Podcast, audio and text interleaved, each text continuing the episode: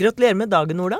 Tusen takk, og takk det samme, Marie. Vi feirer jo ett år som eh, suksessrik, eh, fantastisk, kunnskapsrik og innsiktsfull podkast eh, her i Dagbladet. Riktig, og det var jo det vi hadde som ambisjoner, om at vi skulle lage den litt smarte og morsomme jukselappen for folk. Og det syns jeg vi har fått til. Jeg i hvert fall storkost meg med at vi kan invitere så mange smarte folk som virkelig kan sakene sine, og kommer her og snakker med oss. Mange, mange venner av podden, eh, og som både kommer hit, og selvfølgelig også dere kjære lyttere som hører på oss eh, uke etter uke. Det er veldig bra. Og vi har også vært ute og møtt dere rundt omkring. For vi har hatt flere livepoder for tusenvis av eh, publikummere. Eh, det har vært kjempemorsomt. Og et lite høydepunkt må jeg nok eh, i hvert fall personlig si, var da jeg sto på scenen på Chat Noir. Det hadde jeg ikke trodd at jeg skulle oppleve i livet mitt. ja, nei, det ble jo en knallkveld. Mm. Så vi begynte med pod én gang i uken. Nå er vi oppe i hvert fall to ganger i uken. Og og, og, vokser stadig, så dette er eh, kjempespennende å lage. Men vi skal lage pod i dag òg. Det skal vi. Vi har et veldig spennende program. Eh, du har jo snakka med vår egen Inger Merete Hobbelstad, eller skal snakke med, om, eh, om vår, vår kongelige rojale ekspert. Nettopp, nettopp. Og ikke minst skal vi Snakke om krigen mot julen. Jeg syns det blir litt spesielt. At Dagbladet driver med Donald Duck-journalistikk, det kjenner vi alle til. Men dette holder ikke. Du snakker jo bare visvask av arbeidslivet. Helt useriøst. You are fake news. Go ahead.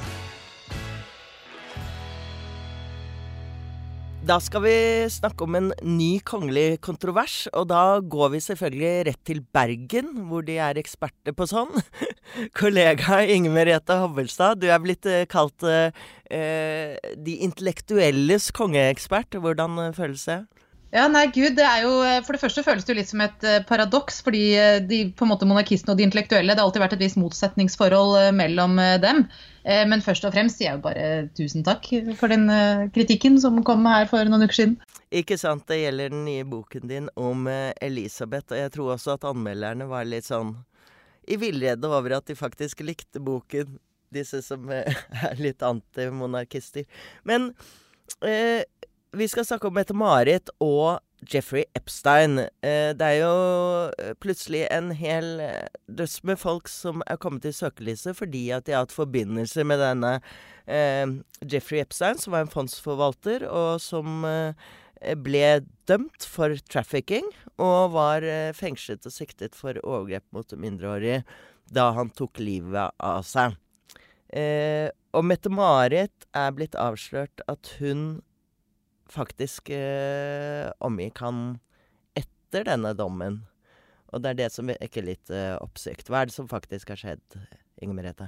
Nei, altså Det som har skjedd, er jo at hun har eh, truffet ham ved flere anledninger mellom 2011 og 2013. Eh, på et tidspunkt var det i hans eget hjem. Eh, har jo slått bekreftet. Og jeg synes jo også noe av det interessante her er at dette skjer jo etter at den britiske kongefamilien hadde blitt klar over dette, og den skandaleombruste prins Andrew hadde fått beskjed om å bryte med ham. Eh, altså Det skjedde jo i 2010, eh, og dommen mot Epstein var jo fra, fra 2008. Eh, så her er det jo alle altså Her er det jo ingen gode unnskyldninger for at man ikke visste hva som var hans bakgrunn. da. Ikke sant? Og, og, de fleste oppegående eh, mennesker har jo fått med seg, fått med seg dette her, hvis du følger litt med. Hvis ikke kunne, kunne Mette-Marit gjort som Kjell Magne Bondevik bedyret at han gjorde, googlet ham. Eh, og oppdaget hva som hadde skjedd. Men det er altså folkene rundt Mette-Marit også, kan man si, som ikke er så hoffet, som ikke har fulgt godt nok med her. Ja, altså det du kan si er at Jeg skjønner jo at hoffet ikke kan sjekke hver eneste person de kongelige er i samme rom som. ikke sant? Altså Det vil jo være et enormt antall mennesker. Eh, men når det gjelder hvem du faktisk tar imot en invitasjon fra, eh, og, og er hjemme hos dem og, og, møter dem på den måten, da, så, så syns jeg man bør kunne forvente at folk eh, tar en liten runde. Da, og ikke minst spør seg hva er det denne personen som inviterer de kongelige, har tenkt å oppnå eh, gjennom det. Fordi dette var jo i en periode der Jeffrey Epstein prøvde å bygge seg selv opp igjen. Eh, etter denne dommen, og, og, vekke nettverket sitt til live på ny. Og det er det å ha kongelige til stede selvfølgelig bidrar til å legitimere og kaste glans over hans uh, sosiale tilstelninger. Da. Og så tenker jeg at vi, vi, vet jo ikke akkurat hva som var årsaken til at hun var hjemme hos ham, eller hvor mange som var til stede. Altså Var det et middagsselskap for åtte personer, eller var det liksom, hundrevis av mennesker i en eller annen veldedig sammenheng eller noe. Altså, det vil jo ta seg litt forskjellig ut om det er det ene eller det andre. Eh, men nettopp derfor så bør jo Slottet gå ut og klare opp dette, tenker jeg. For meg virker det jo opplagt hva Epstein eh, ønsket å oppnå med å ha kontakt med de kongelige, men hva er det de kongelige oppnår ved å menge seg med alle disse rikingene hele tiden?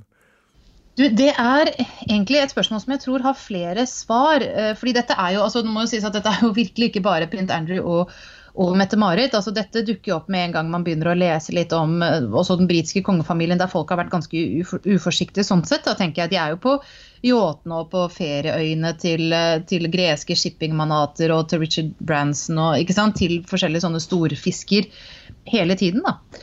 Eh, og på den ene siden så tenker jeg at det ikke er så underlig. For altså, de aller fleste vil bli litt anspente og litt starstruck når, du, når de møter kongelige. De aller fleste vil være uvant med deres livsstil da, og det, det, de tar som en selvfølge. Og det at det som sådan er mest bekvemt og kanskje mer avslappende å omgås folk på samme nivå, altså det kan man jo på en måte forstå, ikke sant? At, at det er naturlig at de, de søker sammen. Eh, men jeg tror også det er viktig å huske på at Eh, veldig rike mennesker kan tilby noe de kongelige har et veldig sterkt behov for, nemlig diskresjon. Eh, og nemlig å få være i fred.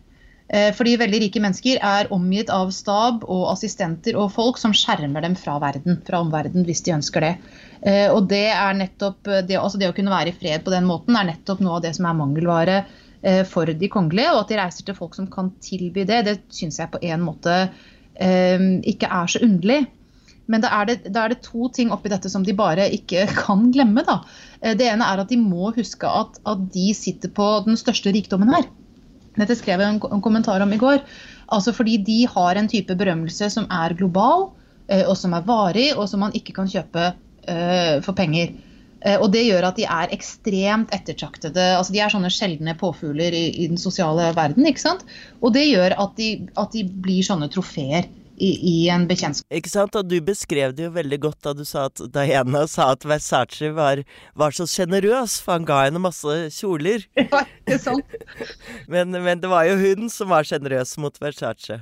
Altså, hun var jo veldig mediesavvy, men akkurat i det spørsmålet er det jo som hun er et barn. ikke sant? At hun skjønner at det er hun som gjør ham eh, en tjeneste ved å gå med disse kjolene. Og det er de kongelige som gjør disse rike menneskene en tjeneste eh, ved å dukke opp eh, på festene deres.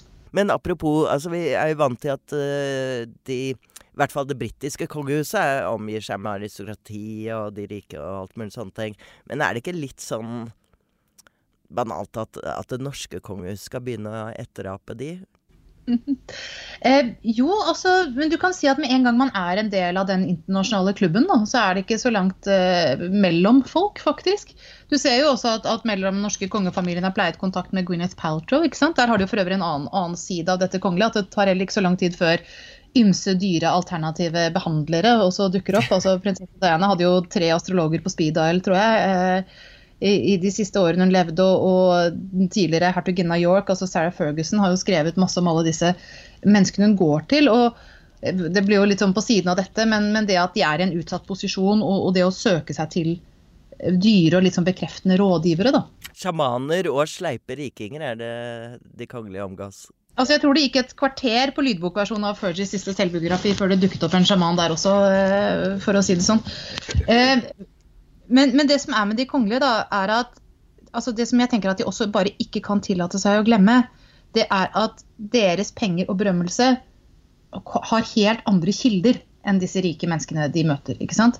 Eh, altså De er på en måte verdens største kjendiser, men de er ikke vanlige kjendiser. For du kan si at har du fått eh, millioner for å spille hovedrollen i en film eller ved å flytte penger på Wall Street, eh, og så kan man diskutere systemet som åpner for det, men ok, da er det dine penger om du vil skjerme deg fra verden, om du vil reise dit eller dit. Altså det er på en måte din sak. Mm. Eh, når du er finansiert av skattebetalerne, så er det noe radikalt annerledes. Og det krever en helt annen åpenhet rundt hvilke Og det har ikke akkurat slått og vist i denne saken. Nei, og det er, det er, noe jeg syns er betenkelig ved Og det, det syns jeg vi har sett en større utvikling i det eh, norske kongehuset. Da. Nettopp dette, dette, at man bare skalker ukene og, og, nekter å svare på annet enn liksom det aller mest eh, presserende. Eh, og det tror jeg er en uting. Altså, jeg, jeg, tror ikke norske, altså Nå står det jo de veldig høyt i kurs, og, og, det er mange som mener at de gjør de oppgavene de har på en god måte, men jeg tror ikke altså folk glemmer det når det igjen og igjen kommer historier eh, om forbindelser til mennesker med store formuer og agendaer og identiteter vi ikke vet eh, noe om. Da. Altså Selv om disse forbindelsene har vært relativt uskyldige, så, så er det ikke bra at de holdes hemmelig på denne måten. En som fortsatt i hvert fall er uh, folkelig og jordnær, er statsminister Erna Solberg, som besøkte eh, dronning Elisabeth eh, denne uken. Og der er det et fantastisk bilde av Erna sammen med Angela Merkel og og eh, Melania er det vel, og så er det dronning Elisabeth, og hvor Erna nærmest ser ut som hun lekser opp for dronning Elisabeth, og hun retter en pekefinger mot dronningen. Er det eh, brudd på etikette, eller hva? Eh, jeg tror ikke det er så vanlig, eh, for å, for å si det sånn. Men, men altså, dronningen har jo, har jo, sett litt av hvert eh, opp igjennom.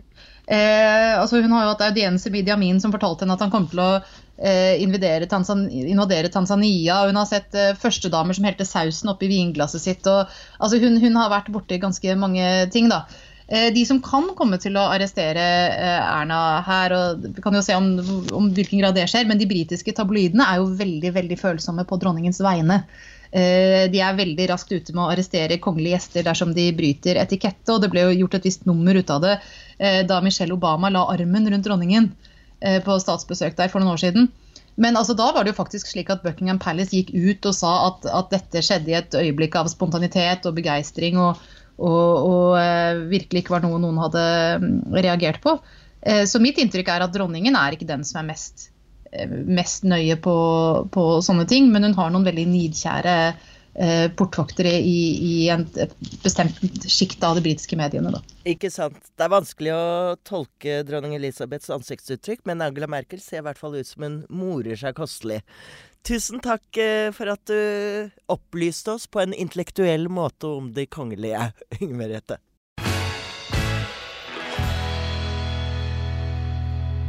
Det er den tiden av året igjen da vi går til eh, krig mot krigen mot julen det årlige innslaget i Julestria. Hvor en eller annen er blitt krenket fordi at de tror at noen er blitt krenket over at vi ikke lenger skal bruke ordet jul.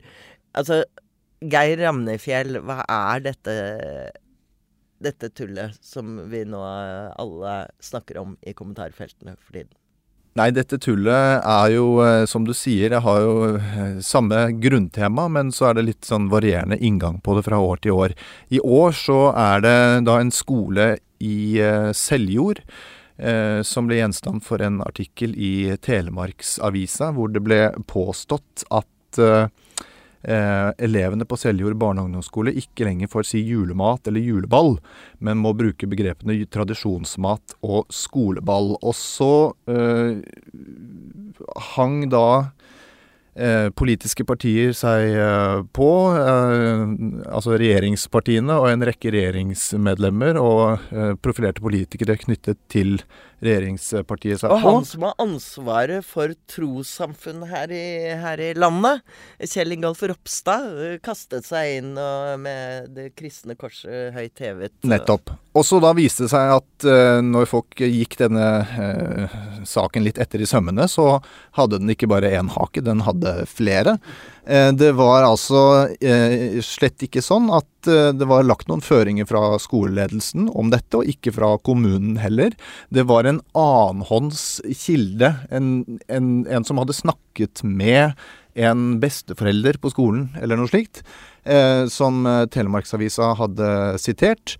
Eh, og så viste det seg at eh, selv om da all, uh, all, alle reaksjoner i sosiale medier og slike ting rettet seg mot muslimer, så viste det seg at, at det var en annen religiøs gruppe dette handlet om. At eh, skolen for mange år siden hadde vært forsiktig med å bruke ordet jul i omtalen av sine arrangementer.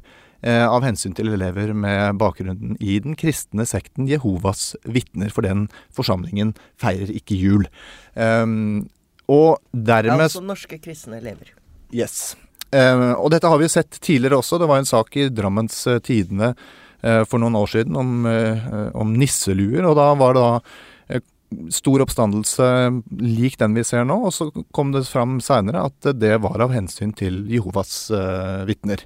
Eh, så dette er jo da en gjenkjennelig eh, sak, men likevel så har vi havnet i, eh, i et eh, slags sånn uføre, da, vil jeg kunne påstå. men det som er litt eh, gøy med dette fenomenet, er jo at eh, som mange kulturelle fenomener i Norge, så er det importert. Eh, og det er fra Amerika, som mange andre fenomener. Eh, der, eh, det, dette har egentlig startet for lenge siden. Var selveste Henry Ford eh, som jo skaffet oss eh, Ford-bilen til Forden.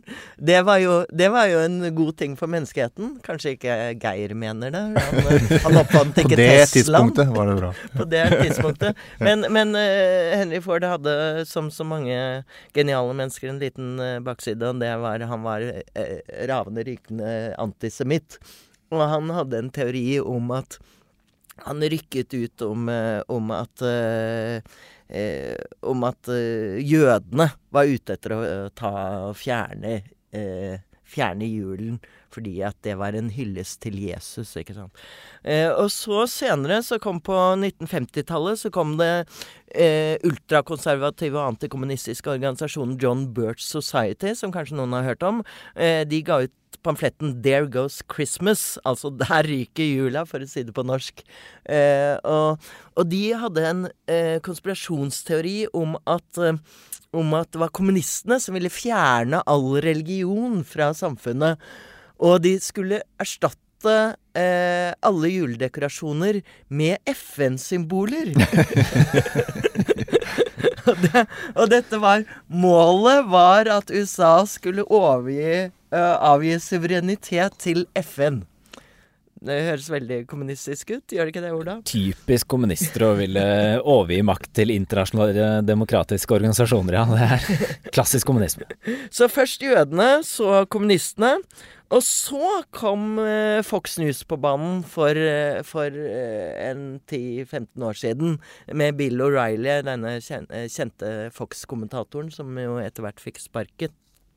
Han satte i gang krigen mot uh, The War on Christmas og snakket om det. Og der var det jo selvfølgelig både muslimer og ateister Ateister er jo fælt i, fælt i USA, som sto bak. Og han eh, rettet særlig mot uh, handstanden, da, hvor han uh, oppfordret alle seerne sine til å drive med alle som sa 'Happy Holidays' i stedet for uh, 'Merry Christmas' og sånn.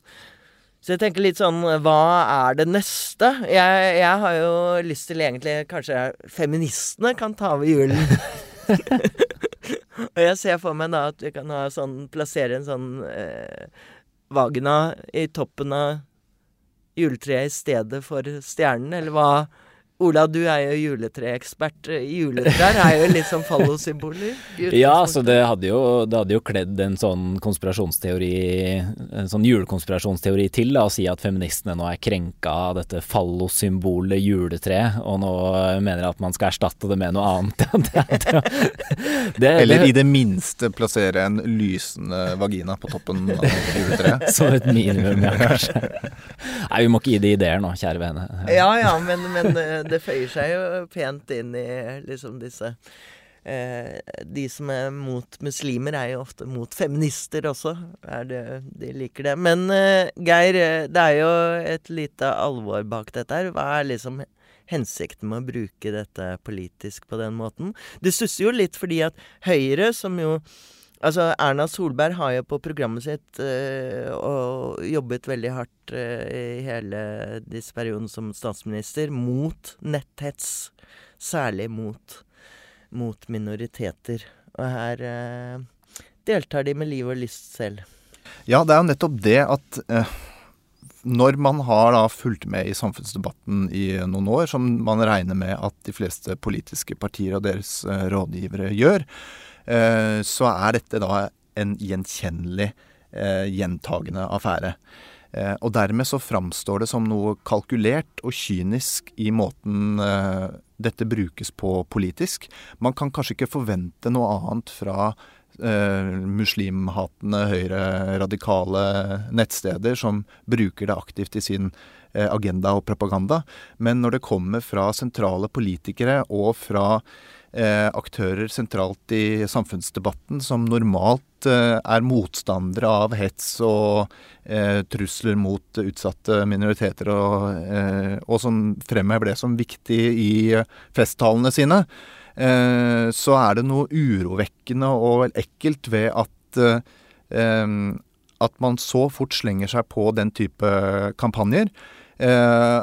fordi man får inntrykk av at det er en kynisk kalkulert Eh, eh, markedsføring eh, overfor politisk markedsføring overfor grupper som kan tenkes å være enig med høyreorienterte eh, grupper, og de som er da Vi husker Sylvi Listhaug som sa at i Norge spiser vi svin, drikker alkohol og viser ansiktene våre. Ja, er, dette, er, dette, blitt Høyres sanne ansikt? Det er nettopp det. Og én ting er å si bare det at vi feirer jul. Men da kommer det jo i kommentarfelt under på eh, Facebook-gruppa til f.eks. da Høyres offisielle Facebook-konto en rekke utfall mot muslimer og sånne type ting. Eh, og det er da når ikke det ryddes opp i på en ordentlig måte Det kan hende at de har hatt en opprydningsaksjon i etterkant som ikke vi vet om, men det var i hvert fall ute ganske lenge. Eh, den, type, den, type, ting som som åpenbart ville gjort det tydelig for dem at her eh, her fisket de på en måte i, i, uh, i, opprørt vann. Og når da denne saken, Filter nyheter, hadde en sak denne uka som, som avkreftet alle disse, disse, tingene om at, om at det skyldtes noe krav fra noen muslimer eller noe, noe slikt, Eh, så har, det ikke vært noe, så har det jo ikke vært noe beklagelse eller noe tilbaketog fra de som har eh, de som har eh, hva skal man si, profitert på dette her i sosiale medier. Og Det er litt sånn urovekkende, fordi da tenker man at er dette her noe som de bare tenker å fortsette med i framtiden også? Er dette noe som vi vil se år etter år, eller er dette noe som de tar på alvor og en kritikk som de tar til seg? Ja, nei, Det er jo lov kanskje å håpe, da, eller at eh, vi får ønske oss til jul at dette ikke, eh, ikke skjer igjen, og at de slutter med det tøvet her. Eh, men jeg lurte på også på om, om, det er legitimt å rette litt kritikk mot, mot, pressen også. Altså Det var jo den saken her hvor åpenbart kildene var veldig, veldig dårlige. og tidligere at det, det kom ikke klart frem hvilken minoritet som i dette tilfellet følte seg krenka osv. Og, så og her var det jo to Eh, to mindre aviser, da, som du nevnte i starten, Geir, som, har, som, har tatt det opp. Men, eh, men, det er jo kanskje ikke helt bra at også pressen omtaler pressen og skriver om disse sakene. Pressen vet jo at dette klikker. De, ja, altså i, på akkurat samme måte som politikerne, så bør jo de jo være klar over hvordan dette, dette spiller seg ut. Ja, helt, helt opplagt at en større bevissthet rundt rundt dette både fra politiske aktører, politiske partier, men også fra pressen at man ikke faller for den fristelsen. For her leker man virkelig med ilden. Her skaper man eller konstruerer man eh, fiendebilder som eh, ikke eksisterer. Og det er jo rett og slett gift for samfunnsdebatten. Ja, og vi avsluttet jo denne uka med snikislamisering på selveste Stortinget, hvor, hvor julepølsa pølsa skulle være fri for svin. Og Christian Tybring-Gjedde hisset seg selvfølgelig voldsomt opp over det, og fikk sin ene store politiske triumf ved at han fikk tilbake svinepølsa. Men så viste det seg at uh, dette skyldtes en misforståelse, og det var den nye stortingsdirektøren som er en frisk sporter, og ville påtvinge stortingsrepresentantene litt uh, sunnere kost i form av kyllingpølser. Nettopp. Og det, det, er jo morsomt at han uh, sier at det er de, hans første gjennomslag i norsk politikk, men det er jo, er jo først og fremst et gjennomslag i pølsemeny det er viktig å presisere. ja, ok. Jeg er litt enig med Tybring-Edde der, at uh, det må være svin i pølsa. det var altså en aldri så liten jubileumssending fra oss, uh, og jeg vil takke alle som hører på oss. Liker og gir oss uh, tilbakemeldinger. Det setter vi stor pris på. Og kom gjerne med tips, ris og ros og ønsker om tema på Facebook-sidene våre.